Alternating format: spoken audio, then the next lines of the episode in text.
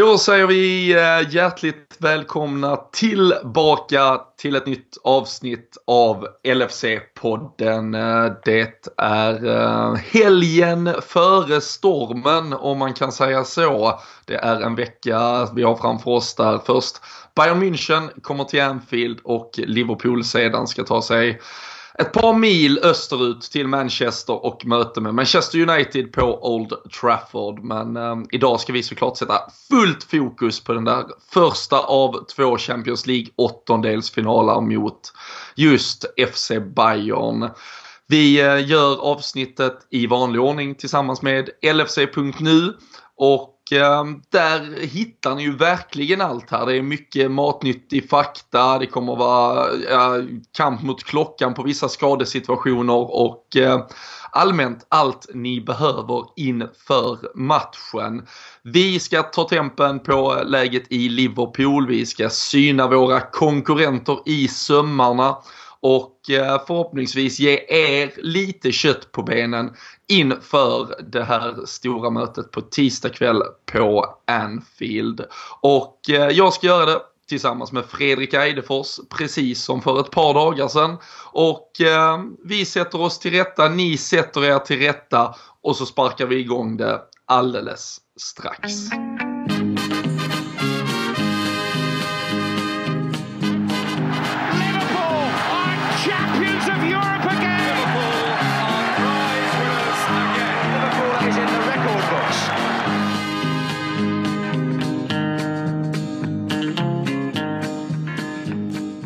Jajamensan! Eh, Fredrik Eidefors, eh, välkommen eh, in i värmen.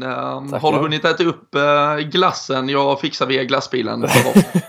ja, nej det var, jag tänkte det här, får du leverans mitt i inspelnings, inspelningen här tänkte jag, men nej så var inte fallet. Men Nej, det är, kul att det finns någon i alla fall som satt och var uppmärksam eh, på, på det senaste avsnittet och, och, och hörde det. Men eh, ja, det händer ju mycket när vi spelar in så att det är inte så konstigt. Ja men precis, vi, vi är mitt bland folk. Vi är, vi är en av dem. vi, vi, är, vi är en av er. Vi, vi sitter inte i de värderade studiobyggnaderna för flera miljoner utan ja, vi är ute på fältet eh, och gör jobbet. Eh, men jävla ihärdig glassbil var det ja, faktiskt. Herregud fick inte ut en jävel på gatan. Det var för fan minusgrader och eh, varenda unge sov tror jag. Så för, för att ta ett snack. Ja, ja. Med, det var ändå Champions hem... League-dags också när ja. vi spelade in. Så att det ja, herregud. Dålig timing. Ja, så, så är det. Men eh, som sagt, eh, kul med uppmärksamma lyssnare som mm. fick med sig att det var lite glassbilsbesök i, i senaste avsnittet helt enkelt. Då hade vi en match att, att snacka ner. Jag hade varit i Liverpool, det var Liverpool-Bournemouth. Vi var tillbaka på winning ways i ligaspelet. Nu har Liverpool spenderat ett par dagar i Ja, inte solen för de fick inte så bra väder i Marbella. Så James Milner eh, la upp att det hade knappt varit, det hade varit sol i 25 minuter. Det var bara Andy Robertson som ändå hade lyckats bränna sig. Men han har också skotsk hud så att säga. Och ja, men nu ska vi ju istället uh, sätta tänderna i det som komma skall. Bayern München väntar i veckan. Det är lördag tidig morgon. Vi är uppe i uttan när vi spelar in det här och sen kommer det ju komma ut under helgen. Du nämnde att det har varit lite Champions League, eh, man fick lite försmak på det. Vad, vad, vad gör liksom det här Champions League-slutspelet med eh, dig som fotbollssupporter? Det är ju något, eh, är det ett första vårtecken någonstans? Ja, jag skulle precis säga det. Det är exakt det, det man nästan känner att nu, nu är det snart maj känner man. Det börjar liksom, det går väldigt snabbt när väl slutspelet är igång. Det, är ju en liten period där mellan vinteruppehåll och, och, eh, och Champions League där så att det Nej, det, det, är skönt när det kommer igång och få se. Som sagt, jag följer mycket fotboll runt om omkring oavsett, men det är alltid kul att se de bästa möta varandra i slutändan. Eh, även fast vissa lag får enklare lottning utan att nämna några namn så Eh, såklart att, att se liksom de här storstjärnorna, potentiella spelare som skulle kunna vara aktuellt eh, i ett sommarfönster eller vad som helst. Det kan finnas eh, rätt mycket att titta på. Så att, eh, men främst är det ju vårkänslan såklart Robin. Det är, även fast det inte känns så här i, i Göteborg just nu. Ja, jag måste säga Malmö idag levererar faktiskt trots, eh, trots tidig morgon så är det klarblå himmel mm, och en ja, rejält stor sol som skiner så jag kan ju bara skriva under på, på vårkänslorna där, där direkt i alla fall och äh, det var ju äh, ja, men häftigt. United PSG var ju såklart av äh, säkert för den stora allmänheten, liksom matchen man tittade på. Um, där uh, myggades Ole Gunnar av, uh, skrev jag på Twitter och så fick man hela United-svansen efter sig. Det är alltid kul att ta de diskussionerna. Um, och sen dagen efter i London så visar ju Tottenham äh, verkligen styrka när de slog det laget som faktiskt ligger före detta Bayern München i eh, tabellen. Um, gör man den enkla matematiska uträkningen att då Dortmund bör vara bättre än Bayern så, så var det ju inte direkt så att man satt och darrade efter att man såg deras insats i, i, i, på Wembley. Nej, alltså jag tror inte Tottenham om vi ska eh, bara nämna snabbt med tanke på att de är konkurrenter till oss i ligan. får man faktiskt inte glömma av. De är eh, inte allt, allt för långt ifrån oss faktiskt. Men eh, Alltså så sjukt imponerande vad de lyckas göra nu då, framförallt utan sina två av sina bästa spelare och i alla fall sin absolut bästa och viktigaste spelare som man tror i Kane. Eh, och göra det med Dortmund. Jag skulle väl visserligen säga att Bayern fortfarande är bet ett bättre lag än Dortmund, hur, hur ligan ser ut just nu. Eh, och det vet vi väl själva egentligen att City är väl i grund och botten ett bättre lag än vad vi är också, men de ligger inte före oss för det. Eh, så att, eh, nej, jag, jag kommer väl sitta ännu mer nervös visserligen nu på, på tisdag, men eh, jag tror inte det blir li- lika så lätt som Tottenham hade det nu senast. Nej, nej, det, det, det är ju Förvånansvärt enkelt. Ja, ja, men, ja, det var det verkligen. Det var ja, men, trist att se någonsin. Jag tror, som sagt, följer man inte de, de övriga ligorna på daglig basis utan bara tar in highlights, eh, resultat ehm, och liksom snacket runt omkring så har ju Dortmund ja, men fått lite det där lyftet som de hade under Klopp. Liksom man har pratat mycket om deras eh, ja, men snabba omställningsspel. Jadon Sancho har ju såklart fått väldigt mycket spaltmeter med tanke på hans eh, bakgrundshistoria och det, det engelska arvet så att säga. Men um, nej, varken, varken laget uh, rent kollektivt eller han utöver liksom, uh, lite, lite sådär trevliga flinka fötter i första halvlek bjöd ju upp till, till någonting. Så um, vi får väl se, det är kanske gammal är äldst som man brukar säga även i tyska ligan mm. nu här uh, när Bayern verkar ha vaknat. Uh, vi sitter ju som sagt här lördag morgon, de hade match igår kväll. Eh, så det är ju rykande färskt eh, mot Augsburg. Då tog de fjärde segern på fem matcher sedan juluppehållet och sedan det återstartades här i januari. 3-2 seger som vi kanske inte ska säga satt hårt inne men de låg faktiskt under med både 1-0 och 2-1 ehm, även om de hade vänt det redan ganska tidigt sen i, i andra halvlek. Ehm, vi eh, tar ju ändå med oss någonstans att det är ett lag som börjar vakna känns det som. Och det var också ett lag som, ja, de har spel, börjat spela in en elva som, som kanske är, börjar bli lite generationsväxlad i alla fall. Vi ska prata om vilket lag som kommer att stå på banan på tisdag såklart. Men är det ett FC Bayern som börjar få upp farten tror du? Eh, lite likt ett Real Madrid väldigt ofta gör ja. på våren. Alltså Bayern känns ju visserligen som, eh, som att de har visat nu i Champions League och ligan att det var, det var, det var två olika lag som nästan har spelat i två olika, eh, olika kupper eller vad man ska säga, eh, situationer. De har ju i, i Champions League var de ju ganska enkelt. De körde över de flesta motståndarna förutom Ajax som vi kanske kommer nämna lite här också i jämförelse. Men eh, annars så har de ju kommit igång och det, det, det känns som att det, det, går inte att kolla på dem riktigt i ligan och sen kolla i Champions League så att det kommer bli hur det sett ut i hösten för dem. För de, de har verkligen kickat igång det nu. Eh, de har spelare som kan blixtra till när som helst, eh, likt en Koman som igår då gjorde eh, två mål och, eller, och en assist om jag inte minns helt fel. Så mm. det de kommer att vara, komma dit precis som ett helt nytt lag och för oss är det väl egentligen sämsta tänkbara möjlighet se, och, och, och situation att möta dem just nu när de har kommit igång och visst, de har ju spelare borta eh, även i sin match men eh, de har samtidigt rätt många bra spelare att kunna sätta in om det skulle behövas också. Eh, så att nej, det går nog inte riktigt att kolla på dem och göra jämförelsen riktigt. Nej, och eh, med den där segern eh, igår då, då har de ju spelat en match mer än, eh, än Dortmund just nu i alla fall när vi spelar in det här. Då, då är de ju bara två poäng bakom. De äter i kapp mer och mer även i ligaspelet och Manuel Neuer ska vi säga direkt var tillbaka i målet. Det var ju tidigare rykten om att han kanske skulle missa rent av båda matcherna sen åtminstone verkligen gå en kamp mot klockan här mot Liverpool i första mötet eh, på Anfield och sen så visade det sig ändå eh, att han var tillbaka. Vi ska ju gå igenom eh, mer exakta detaljer kring, kring lagen sen. Jag eh, tänkte bara testa det lite. Har du koll på när vi mötte Bayern München eh, senast? Oh, du, du, du, du, du finns nästan två svar på detta. Men, ja, kan... nej, men det, det enda som jag kan tänka mig till en, till en första början det är väl i någon för, försäsongsmatchen här när Mané och Salah och Firmino lekte, lekte med dem. Vi var väl till och med på Allians Arena om jag inte minns helt fel.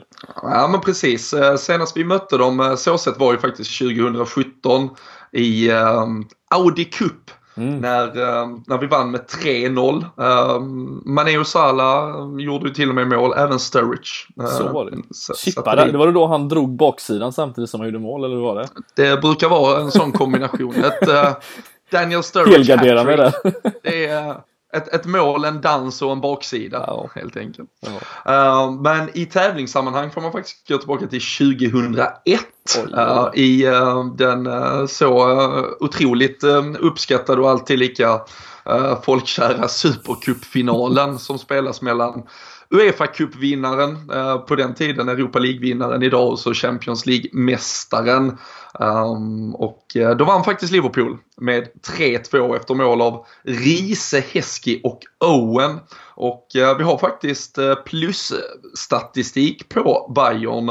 Två segrar, fyra oavgjorda och en förlust. Ehm, det var i cupvinnarcupen 1971 vi förlorade. Så det är ett tag sedan vi förlorade mot Bayern och det är ganska anmärkningsvärt faktiskt med tanke på att det är två så historiskt enormt stora klubbar mm. och att vi bara har mötts sju gånger.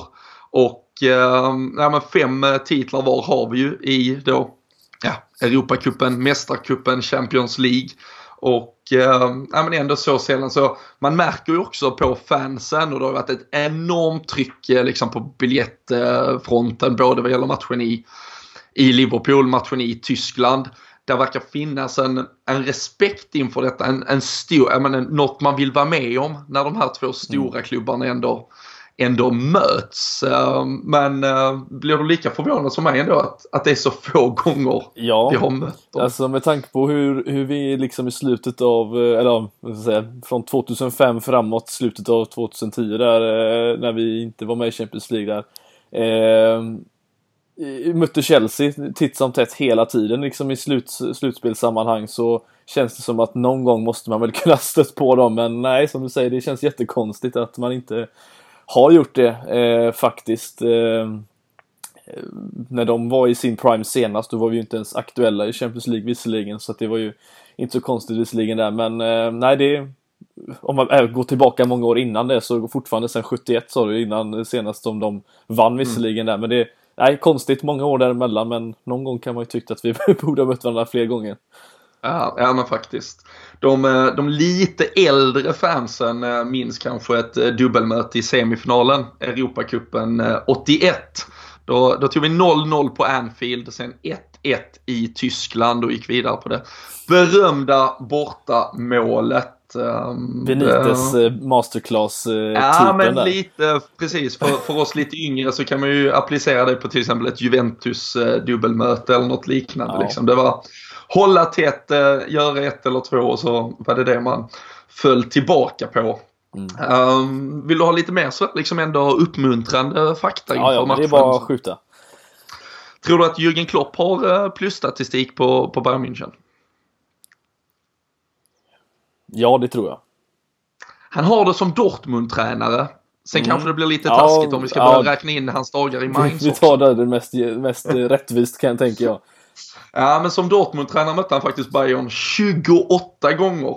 Va? Så han, eh, under bara åren som Dortmund-tränare mötte han dem fyra gånger så många gånger som Liverpool har gjort historiskt helt enkelt. Oh, men där har han nio segrar, uh, tre oavgjorda, eller vi ska säga 28 gånger totalt är inklusive Mainz, förlåt. Mm. Där har det gått uh, lite sämre. Men som Dortmund-tränare 20 eh, gånger. 9 eh, segrar, 8 förluster, 3 oavgjorda. Så eh, pluspoäng där också helt enkelt. Mm. Så plus historiskt, plus för Klopp. Och en spelare som kan vara aktuell för startelvan, han gjorde en av sina bästa matcher förra säsongen mot just Bayern München.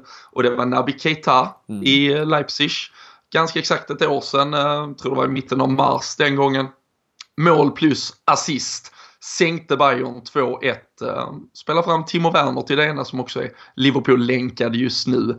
Um, är det läge att liksom uh, fylla rummet med de här historiskt positiva statistiska um, förgrunderna. Ja, jo men alltså det är klart att eh, Klopp kanske inte sitter och tänker på samma sätt som, som vi gör här nu och tänker att nej bara, eh, Keita hade en bra match för ett år sedan mot dem men Samtidigt så är det så att han, han känner ju till motståndet. Han, han har ju mött de här spelarna tidigare. Han vet ju precis vad, vad de har för svagheter. Det är, det är ju inget konstigt med det. Så att jag hoppas ju att han får komma in och spela och jag tror definitivt man kan ta vara på det där. Och det är ju bara egentligen att kolla på, på för de som inte har sett det, kolla på in, det första insläppta målet Bayern gjorde går efter, var det 13-15 sekunder. De var ju inte ens med från från, från start. Liksom. Det finns mycket spelare som kan driva boll genom deras mittfält om de inte står på rätt plats. Så det är, och Keita, om, om någon, är väl väldigt bra på att göra just det. Så jag tror ju, och hoppas framförallt att han får en, en, en startplats på det här mittfältet just nu. Och eh, jag tror många eh, hemma i stugorna resonerar likadant mm. efter hans eh, fina, fina insats mot, eh, mot Bournemouth eh, förra helgen. Nu nu blir det ju intressant. Eh, vi kanske ska börja i, eh, i den änden om vi börjar med, med Liverpools eh, status så sett. För det finns ju en risk ändå för att vi måste göra ändringar på det där mittfältet. Vi satt ju och var så otroligt nöjda med Fabinho, Gini Wijnaldum och Naby Keita tillsammans senast. Men det vi vet som är liksom konkret fakta inför det här första mötet nu mot Bayern det är ju att Virgil van Dijk är avstängd eh, på grund av gula kort från gruppspelet. Och att Joe Gomez är till 100% eh, borträknad. Det gör ju att vi vet att Joel Matip just nu är den enda helt friska mittbacken. Och Dejan Lovren går en kamp mot klockan. Han följde inte med till Marbella då han ändå inte kunde träna liksom i, i grupp. Han kunde inte vara med i rena spelövningar. Utan han har rehabiliterats eh, på, på annan ort så att säga. Och ehm, här blir det ju någonstans eh, återigen för Klopp att han måste laborera med två elvor, om man säger så, på träning nu. Han måste öppna upp för alternativet att någon annan ska gå ner och fylla den där mittbacksplatsen. Han måste väl ändå någonstans ha en prio och liksom förhoppning att det kanske är den Lovren så att han kan fokusera på sitt i övrigt då ordinarie mittfält och laget i övrigt. Hur um, tror du tankarna går? För vi, vi behöver inte ens spekulera i om Dejan Lovren blir klar eller inte för det finns så otroligt lite information att ta på där. Utan snarare kanske att vi får leka med två potentiella elvor i detta fallet. Och om han inte kommer till spel, hur, hur tycker du att vi ska formera backlinjen? Om han kommer till spel, vad ska vi tänka på offensivt i så fall? Eh, jag, jag har väl nästan till, alltså är han, är han inte redo nu eh, en, en lördag liksom eller en fredag, torsdag, fredag så, där, så, så känner jag att det känns nästan till att han, man får nästan glömma honom i det här fallet. Jag tror han, det är dumt att riskera det också nu när Eh, när det ändå finns pot en, en, potentiell spelare som kan gå in där och det är ju såklart Fabinho som, eh, som får gå ner och ta den platsen och ingen annan skulle jag säga. Eh, jag tror väl om vi, oavsett skador där bak, så tror jag att Klopp ändå skulle kunna tänka sig att gå tillbaka till det här eh, hårt arbetande mittfältet som vi pratat om tusen gånger kanske inte ska spela i vissa matcher men Eh, jag tror att Henderson, Milner, Wijnaldum eller Keita möjligtvis kommer få ta det där mittfältet och Fabinho får gå ner. Så att eh, Matip Fabinho tror väl jag mest på i alla fall. Eh, mm. Och skönt framförallt att Trent är tillbaka så man slipper tänka på att få ut någon ytterligare Milner exempelvis ner där också. Så att det är, eh, men Matip Fabinho är väl det jag mer eller mindre har redan utgått från från de här nu att eh, mm. det kommer att bli. Känner du likadant eller? Ja, ja men det är spontant och personligen känner jag ju verkligen likadant. Det som eh, gör en lite nervös är att eh, James Pierce till exempel var ute och skrev om att eh, inför den där Wolverhampton-matchen tidigt på året när vi var tvungna att laborera, då var en tanke att kanske spela Jordan Henderson som mittback. och ehm, att då tankarna nu går mellan att antingen spela Fabinho eller Jordan Henderson. Ehm, hade varit en spännande syn, Jordan Henderson mot Robert Lewandowski. Nej, jag vet inte det då. Det beror på vilket är, lag man håller på. Är, är, det, alltså är det du och jag som är fullständigt uh, dumma i huvudet här eller vad är det vi uh, missar som gör att Jürgen Klopp eventuellt ens kan tänka detta eller är det James Pearce som har varit på flaskan eller vad? Ja, det var nog en kombination tänkte jag säga. Nej, men det, är, eh, det finns ingenting i Henderson som, som, som eh, doftar mittback liksom. Det är Fabinho, absolut. Det är, och det vet vi redan att han han har spelat sedan tidigare och spelat ytterback i både Monaco och i Brasilien och som sagt mittback här nu senast mot, var det mot Wolves där? Bright. Ja, ja, ja, Brighton. Brighton också. Mm. Eh, och eh, han, har, han läser ju spelet på ett helt annat sätt och definitivt så har han ju längden med sig också för att vinna eh, nickdueller. Jag har ju väldigt, eh, jag skulle inte vilja se fram emot en, ett inläggsspel från Kimmich och se Henderson eh, tampas med Lewandowski i boxen. Det hade jag inte velat så att nej, jag förstår inte riktigt ens att, att det finns ett snack om det överhuvudtaget för det finns ingenting nej. med honom som, som, som säger att han ska kunna vara en bra mittback i slutändan.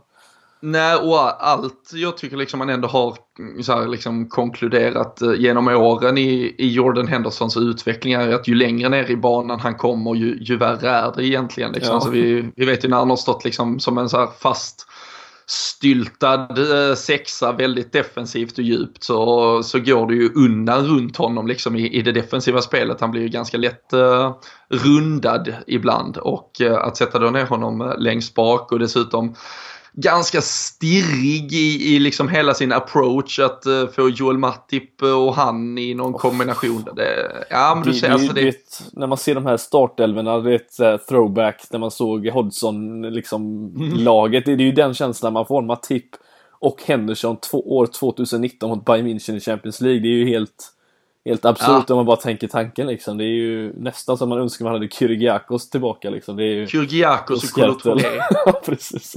Hade du, ta, hade du tagit Kyrgiakos Kolo före Jordan Henderson och Joel Matti? Ja, absolut. Ja, ja det säger lite. Det säger lite. Så um, nej, men um, vi får väl ändå tro eh, att, eh, att det faktiskt är Fabinho ja. som, som eh, kliver ner i den positionen i så fall. Som du nämnde där så är ju Trent tillbaka och lär kunna starta matchen. Han fick ju sitt inhopp mot Bournemouth och har kunnat träna på av allt att döma i, i lugn och ro att allt har gått i rätt riktning och ska såklart vara klar i så fall. Um, arbetar mittfält uh, pratar du om. Vi har ju, uh, ja, vi har ju kritiserat det eh, vid, vid ett antal tillfällen. Vi har väl samtidigt pratat om det i, i viss typ av matcher där matchen någonstans lever sitt eget liv. Där det inte krävs ja, men att vi tar någon total taktpinne eller där vi liksom styr ett spel på något sätt så, så, har det fungerat också. Vi såg det mot Napoli hemma, vi såg det mot Roma hemma förra året eh, under långa stunder. Vi såg det i vissa av de viktiga Champions League-matcherna eh, senast. Vi fick se det i ligasammanhang var väl i eh, Premier League-matchen mot eh, Manchester City. Där eh, man eh, kan tycka att det fanns eh, bra tendenser och samtidigt så kanske vi inte kom upp i full nivå vad gällde vårt eget spel alla stunder. Um, om nu Fabinho kliver ner i backlinjen så kan vi väl i alla fall räkna med att ja, men minst två av, av tre de här James Milner, Gino Wijnaldum och Jordan Henderson kommer starta och den som kanske då bubblar är ju Naby Keita. Hur, hur, hur tänker du kring det om du hade fått välja? Eh, ja, alltså sett till, som du sa, den Napoli-matchen var ju, var, ett, var ju ett exempel. PSG hemma vill jag väl minnas att de tre startade också. Eh, det hade vi väl Fabinho och Keita på bänken till, till och med. Eh, och, och, de har väl visat att de visserligen mot spelskickliga motstånd på hemmaplan ska vi tillägga. Inte bortaplan, där har vi, det är där vi oftast har sett det liksom fallera ja, ja, ordentligt. Eh, har det ju funkat. Eh, som sagt, Robertson var ute och pratade om det här med hur fansen kan hjälpa till och vi vet ju att de gör det i en Champions League-match. Det blir en helt annan grej liksom när det kommer, det står Bayern München på andra sidan exempelvis och i det här fallet då PSG som jag jämförde med. Och liksom vinner vi pressspelet där då, och lyckas liksom vinna mittfältet så, så absolut kan jag tänka mig att se de tre spela där. Jag ser ju hellre i så fall Keita komma in istället för exempelvis en Milner som jag tycker ändå har under ju längre säsongen har gått, han känns segare och känns som att han, han orkar inte riktigt lika mycket. Det kanske har att göra med, ja, det finns andra olika anledningar så sett men eh, det är fortfarande så att en Thiago i, i motståndarlaget som kanske är en av de absolut mest bollskickliga mitt, centrala mittfältarna i världen det ska mycket till att pressa en sån spelare och göra ett misstag. Så frågan är vilken approach Klopp väljer att göra i det här fallet. Jag, jag tror ärligt talat att det blir det mittfältet igen. Att Miller, Henderson, eh, Wijnaldum får spela den matchen. Eh, mm. Trots att jag gärna hade velat se Keita. Men det känns som att det är det mest säkra sättet att göra det på. Men samtidigt så har ju Bayern visat, som vi har pratat om, de har visat svaghet den här säsongen. Jag tycker inte vi ska skämmas för att kunna komma till Anfield och försöka liksom, hålla i bollen och, och, och, attackera på det sättet heller. Så att eh, jag är kluven riktigt vad, vad jag vill och vad jag tror kan vi säga. Ja, men vi, kan ju, vi, kan, vi kan ju titta lite närmare på vilket lag eh, Bayern eh, eventuellt mm. eller troligtvis i alla, i alla fall kommer med. Och så kan vi ju se om, om det gör oss klokare i vilken approach Liverpool eventuellt skulle kunna ha till detta. Men vi, vi konstaterar ju att Manuel Neuer är tillbaka i målet. Um, ytterbackspositionerna tror jag inte blir någon diskussion. Uh, lär vara Joshua Kimmich och uh, David Alaba. Och eh, i mitten eh, så har de, eh, om man tittar tillbaka de två, tre senaste matcherna så har de varierat lite. Hummels har varit konstanten där. Sen har det varit Boateng och eh, igår var det Niklas Syle. Eh, jag pratade lite med vår, vår Tysklands korre Kevin Bader som har eh, varit med oss lite tidigare här och han trodde Syle skulle få chansen på tisdag. Ehm, offensivt så, eh, så var det Lewandowski eh, längst fram såklart. Serge Gnabry, eh, gamla Arsenal-bekantingen. Och så nämnde du ju Kingsley Coman som då startade också och gjorde 2 plus 1. Men klev av skadad. Ehm, du, du läste snabbt senaste rapporterna och där var väl Kovac lite osäker om det är surt för Bayern såklart. Liksom supermatch från Koman visar jättefin form och så 92 minuten får han en smäll och missar eventuellt tisdagens match. Mm. Och det är såklart att en, eh, en, en fröjdig spelare med mycket flair och, och speed och grejer som är, är jobbig att möta och han som troligtvis kommer komma in i så fall är väl en Ribéry i så fall då. Mm. och eh, med den erfarenheten. Och han är som sagt, visst han är äldre eh, än vad han var när Bayern gick och, och vann Champions League senast när han var helt magisk liksom. Men det är fortfarande så att det är en fruktansvärt bra spelare eh, som Trent i så fall hade haft fruktansvärt stora problem med eh, om han eh, liksom kommer in bra i den matchen. Så att jag tror inte, de, som jag sa där, de släpper in bra spelare, de tar ut bra spelare, det, de har en, en fruktansvärt bra bänk. Eh, jag tror väl att de kommer gå lite mer defensivt i det här fallet så att en, en, en Ribéry in på den kanten som, som, ja, jag tror att det kan bli minst lika farligt för dem dessutom. De har två riktigt bra ytter, eh, vad ska man säga, eh, kantuppsättningar ska, kanske man ska säga. Mm. Eh, och det ska bli kul att se i alla fall eh, de två kanske mest yt eller, bästa ytterbackarna i form av hur underskattade de är i Kimmich och och Robertson mot varandra på, på den kanten så att det finns eh, många goda um, fighters som kommer bli, säkert... Ja, kan ju fan bli ett par löpmeter på ja, den kanten det så de kommer går mot varandra där. Faktiskt. Ja, uh, fantastiskt. Um, på, uh, på mittfältet sen uh, så har de spelat de, de två senaste matcherna med Thiago, uh, James Rodriguez, Leon Goretzka. Eh, där, eh, där tror Kevin och det tror väl nog vi också kanske att de eh, balanserar det lite mer defensivt. Thiago är ju konstanten såklart mm. men att en Javi Martinez kanske kommer in för att erbjuda lite tyngd, stabilitet, att man liksom vänder triangeln om man ska, om man ska leka med den typen av uttryck och att Goretzka eh, kanske var lite otursgubbe igår mot Augsburg dessutom. Eh, går ut eh, och att man får lite balans på det helt enkelt. Ja, nej men det, det tror jag absolut. Och de, som sagt, vi, de som kommer ihåg eh, Hoffenheim-matchen i, i CL-kvalet vet ju, och Serge Gnabry till exempel, hur, hur farlig han är och hur mycket problem vi hade med honom där. Eh, det är en fantastiskt bra spelare så jag tror att har han de två, eh, Lewandowski och sen kanske en Ribéry, eller Koman om han kommer till spel, så, har, så kan de med gott samvete säkra upp, om vi får säga så i situations, inom situationstecken, de, det mittfältet med lite mer eh, stabilitet och det det är bara jobbigare för oss för att ju, ju mer offensiv de har desto lättare skulle jag säga att det blir för oss i slutändan. Men ja, ja, nej, jag tror att det blir lite mer defensivt i alla fall och det känns som att en Javi Martinez kan komma in och få lite, lite tyngd, längd och, eh, och defensivt tänke eh, i det mittfältet.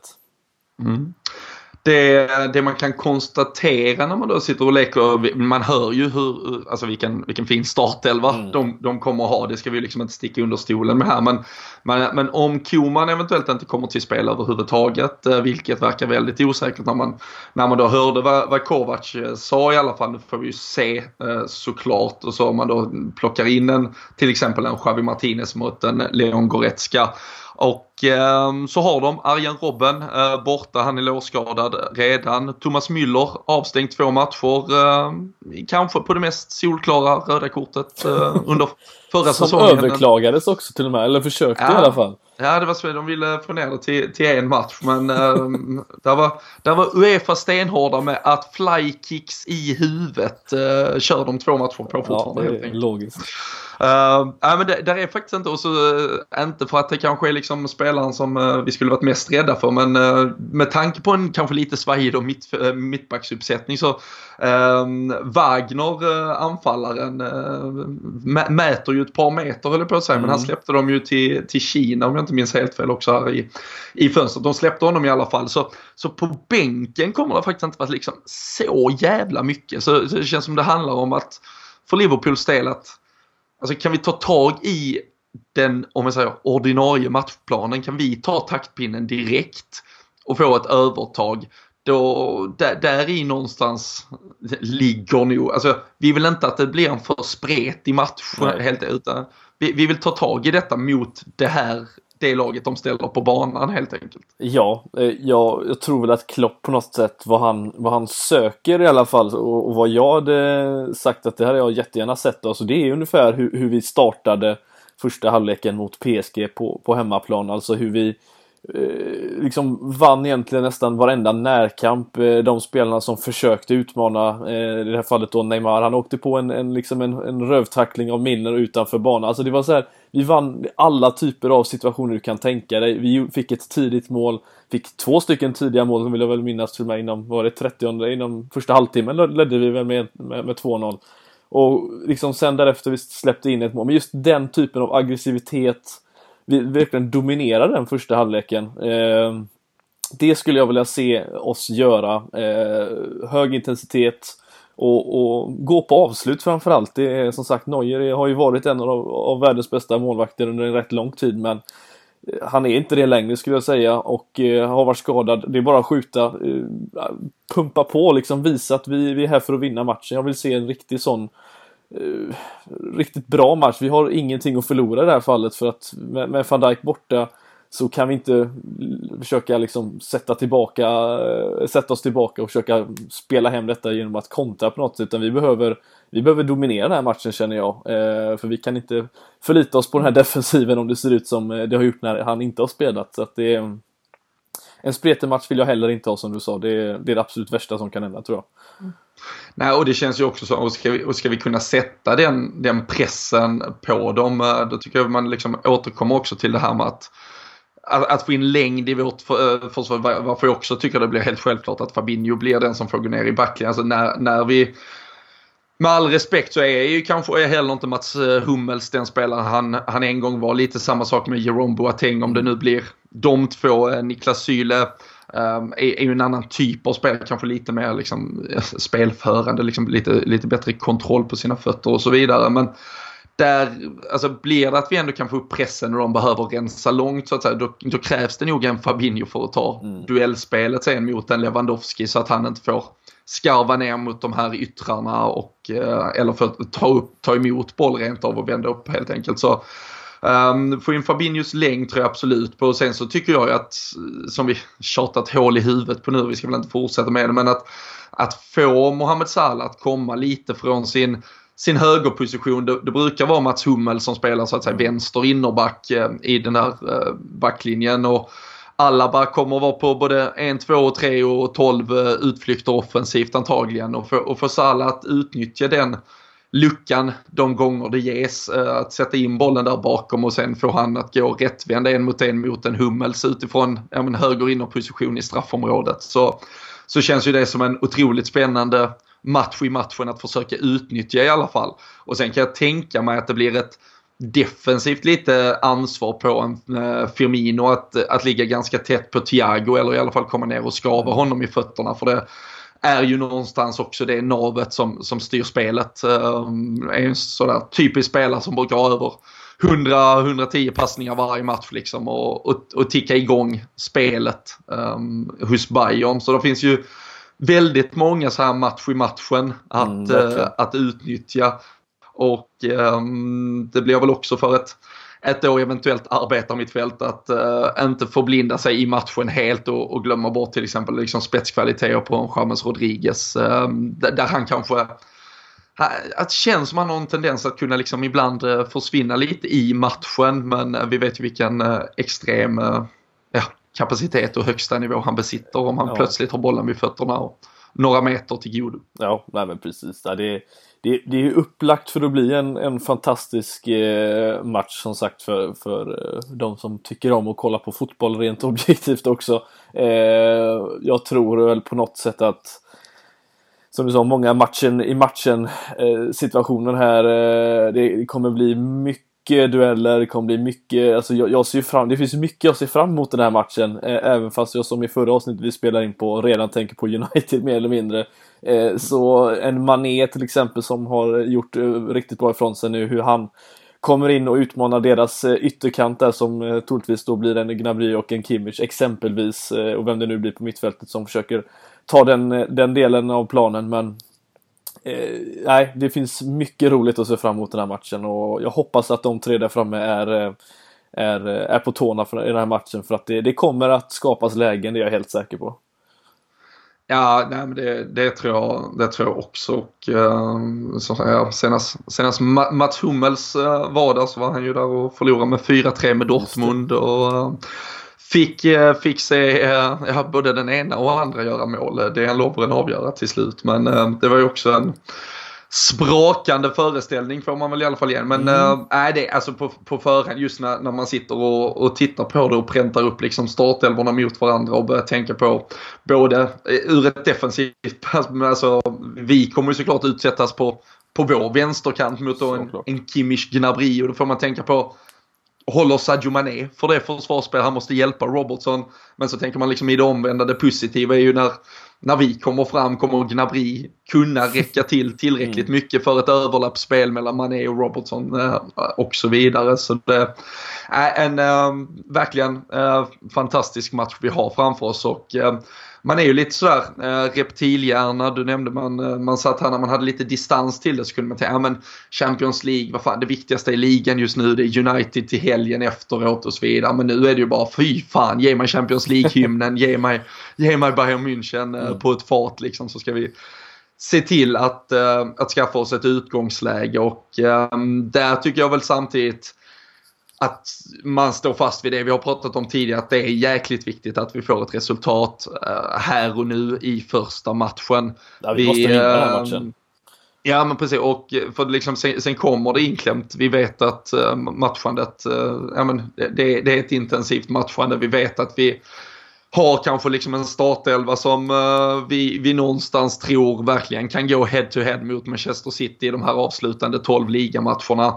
Men, men vi kommer kanske inte kunna kosta på oss att åka och liksom spela med blod, svett och tårar även i ett Champions League-slutspel hela vägen fram till slutet uh, av det här utan uh, vi måste skaffa oss ett utgångsläge som gör att vi någonstans kan åka till Bayern eller till München utan liksom kniv mot strupe eller att vi ska behöva ja, var, var fullständigt både livrädda för det som liksom står framför oss och också behöva kanske ta ut oss eh, mm. med, med, med, inom situationstecken såklart. Men um, få en bra, um, ja, en, en förutsättning um, inför um, returmötet i alla fall som vi känner att vi, vi tror på. Och uh, Bayern har som sagt de har släppt in mål eh, i alla matcher här um, 2019. Um, de eh, förlorade ju för två veckor sedan mot, mot Leverkusen med, med 3-1. Annars har de släppt in åtminstone ett mål varje match. Släppt in två här då på fredagskvällen mot, uh, mot Augsburg. Så så defensivt är de ju liksom, alltså det är inte en mur vi ska igenom och eh, det är väl kanske där vårt, ja men alltså hoppet står att vi, att vi faktiskt vågar gå för målgörandet redan ja. på Anfield.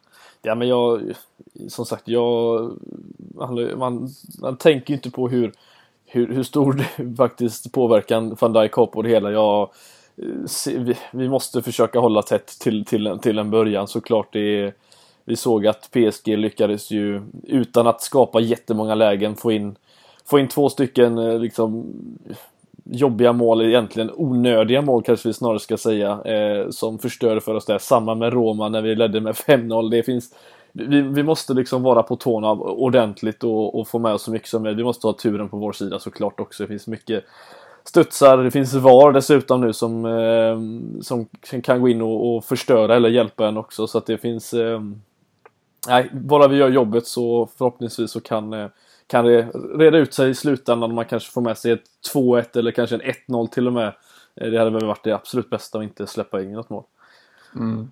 Ja, en, eh, en hållen nolla vore såklart väldigt, väldigt trevligt. Och det ska, det ska ju då sägas i sammanhanget att Bayern har ju inte gått mållösa heller. Nej, det har de inte gjort. Det... Så uh, där, där, finns förutsättningar för en ganska målglad historia. och som du nämnde, VAR är på plats. Ehm, nu är det ju ändå tagit ett aktivt beslut i Champions League att situationerna inte ska visas på storbildsskärm. Ehm, det kommer de ju däremot göra i Premier League från nästa säsong fast inte på Anfield som det är väl en av två arenor tror jag, vid Old Trafford och om det kanske är en till som inte har eh, storbildsskärmar där det kommer visas eh, de här situationerna. Men det, ja, Anfield-publiken mötte ju detta fantastiska faktum mot uh, VBA uh, mm. för, för ett år sedan i FA-cupen. Den gången eh, till vår fördel även om vi förlorade men det var en ren, eh, det var ju ett eh, rent helvete egentligen hela upplägget med det. Vi fick ju se lite försmak i Ajax Real Madrid. Föga förvånande att det är Real Madrid som får lite varhjälp. Men ja, vad, vad är känslan kort kring, kring det? Att vi eventuellt kan få någon sån situation där vi har firat ett mål i åtminstone 17 sekunder och sen inser att det kanske blir bortdömt. Ja, den är ju faktiskt lite halvt jobbig får vi ändå säga. För jag... Eh, nu kan jag säga att nu har jag faktiskt lugnat mig lite eh, på sistone. Jag har, jag firar mer snarare när vi har vunnit än, än målen ja. lika ordentligt. Så att jag... Eh, jag tror inte, för mig är det nog ganska lugnt men eh, det är jobbigt för de som är på plats såklart. Och, om det är liksom någon, någon axel som är offside liksom på Salah eller något sånt där och så ska man ja, förlora på det då. Det är, ja, nej, det är inte jättekul men eh, går vi vidare på grund av att, det har, att rättvisan vinner så absolut, då är jag, då är jag för. Ja. Nej men det, det är såklart, det, det tycker jag är det enda som eh, VAR eh, någonstans fortfarande kämpar lite med. Um, jag, jag har bara upplevt det live eh, en gång själv, då, tidigt denna säsongen när jag var på Milan-Roma. Um, tror det var Higuain den gången för Milan som liksom tryckte in den mot, uh, mot Milans kurva, springer ut, firar med fansen och sen bara nej, det där var inte mål och så ska, mm. ska allting tillbaka. Roma gjorde till det. Ja, det var vars ett mål de gjorde faktiskt som blev bortdömda på grund av VAR. Och live är det där blir det en väldigt märklig upplevelse. Mm.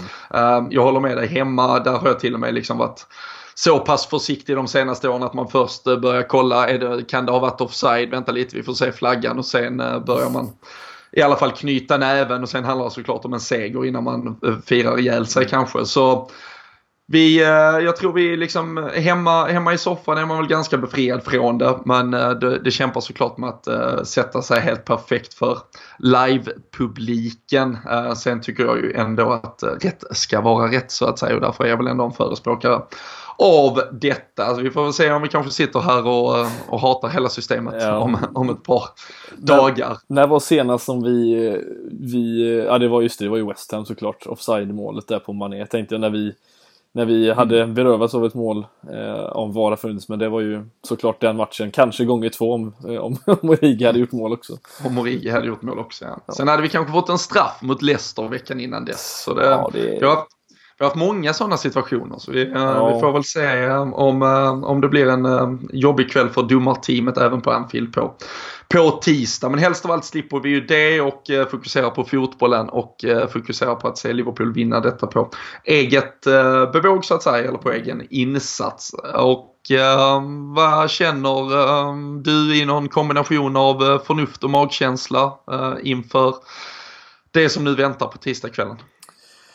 Alltså vi, jag tror inte vi håller nollan tyvärr den här matchen. Jag tror att eh, deras eh, överlappsspel med Alaba och Kimmich kommer bli för jobbigt. De kommer eh, hitta något instick till Lewandowski och 2-2 eh, tror jag det kommer sluta den här matchen. Det eh, tycker jag är lite för negativt eh, faktiskt av dig. Så jag går in och varändrar ett av de här målen i alla fall flyttar över det från eh, Bayerns konto till vårt och eh, sätter, sätter 3-1 eh, till, till Liverpool istället. Det var vad de förlorade mot, mot Leverkusen med för två veckor sedan och de har själv vunnit många matcher. 3-1 syns väldigt mycket kan jag, kan jag meddela när man sitter och tittar i Bayerns tabellrad. Nu ska vi bara se till att det är vi som är vid trean och eh, Bayern vid ettan. Men jag håller med om att eh, det inte känns eh, allt för glasklart att vi håller nollan i alla fall. Och utan vi får nog plocka ut en boll ur eget nät och så hoppas vi att vi, vi kan få till det ordentligt offensivt istället. Jag, jag tror att Salah kan bli en... vilken, vilken, vilken jävla spaning. Jag tror att Salah kan bli avgörande i det här. Men jag, jag har en god känsla. Du har varit en bra kan... tränare du. Ja, precis. Eh, han, eh, han såg uh, ruskigt fin ut mot Bournemouth tyckte jag. Då kom han till lägena, skapade och um, han, uh, han kommer sätta dit några. Uh, minst två mm. på tisdag. Kan vara att han gör alla tre faktiskt. Jag hade Men, velat se Robertson göra mål, eller Trent i en sån här avgörande match. Typ ett, liksom ett viktigt 2-1 mål hade varit fantastiskt kul att se. Typ en Trent dra in på en frispark och sen glida på knäna mot ett kopp. Typ något i den stilen kan jag ju se framför mig. Alltså om, om, om du tvingar mig så kan ja. du jag, jag, kan ta, jag kan ta att Trent svingar in 3-0 eh, i krysset i 89. Det är okej. Okay. Ja, ja, ja. Okay. Ska vi säga så då? Ja, nej, verkligen. Vi, eh, vi hoppas såklart eh, i alla fall på en eh, fantastisk Och det är något speciellt. Det, det är Champions League-hymn. Det, det, är liksom tillbaka. Vi är där bland de största som vi nämnde. Det är Bayern München med fem titlar i turneringen. Det är Liverpool med fem. Så det är ju verkligen två av Europas giganter som går upp mot varandra på tisdag kväll. Och sen väntar returen i Tyskland den 13 mars. Ehm, vi, ja, vårtecknen eh, de, bara, de studsar upp eh, överallt här och eh, vi hoppas såklart att detta blir något alldeles extra. Ni där hemma brukar veta bättre än oss hur det här slutar så håll såklart utkik på vårt Twitterkonto när vi slänger upp någon schysst tröja från Sam Dodds som ni kan vara med och tävla om ifall ni vet hur det här ska sluta. Och eh, så passar vi även på att eh, tipsa om eh, ett av våra sista avsnitt som vi har släppt på Podmi. Vi har ju släppt en, ett specialavsnitt där där Daniel Forsell och Jocke Lundberg grottar ner sig i sångerna. De har öppnat arkivet och tagit en titt på allt det där som faktiskt sjungs på läktarna på Anfield och ni lär ju höra många av de här sångerna som de pratar om just på tisdag och det är historien bakom eh, några av de där absolut största sångerna och så eh, tar de sina egna personliga favoriter och så kanske det till och med rent av bjuds på en trudelutt eller två. Så det är en perfekt eh, uppvärmning. Men med de här orden så tycker jag att vi eh, tackar för oss eh, här och nu. Vi sätter fullt eh, sikte mot Bayern München och så är vi ju såklart tillbaka där mitt mellan de här två stora matcherna som väntar i veckan. Efter Bayern och inför Manchester United. Men ehm, för nu så önskar vi en fortsatt trevlig helg och trevliga dagar fram till matchen. Ha det gott så länge så hörs vi snart igen.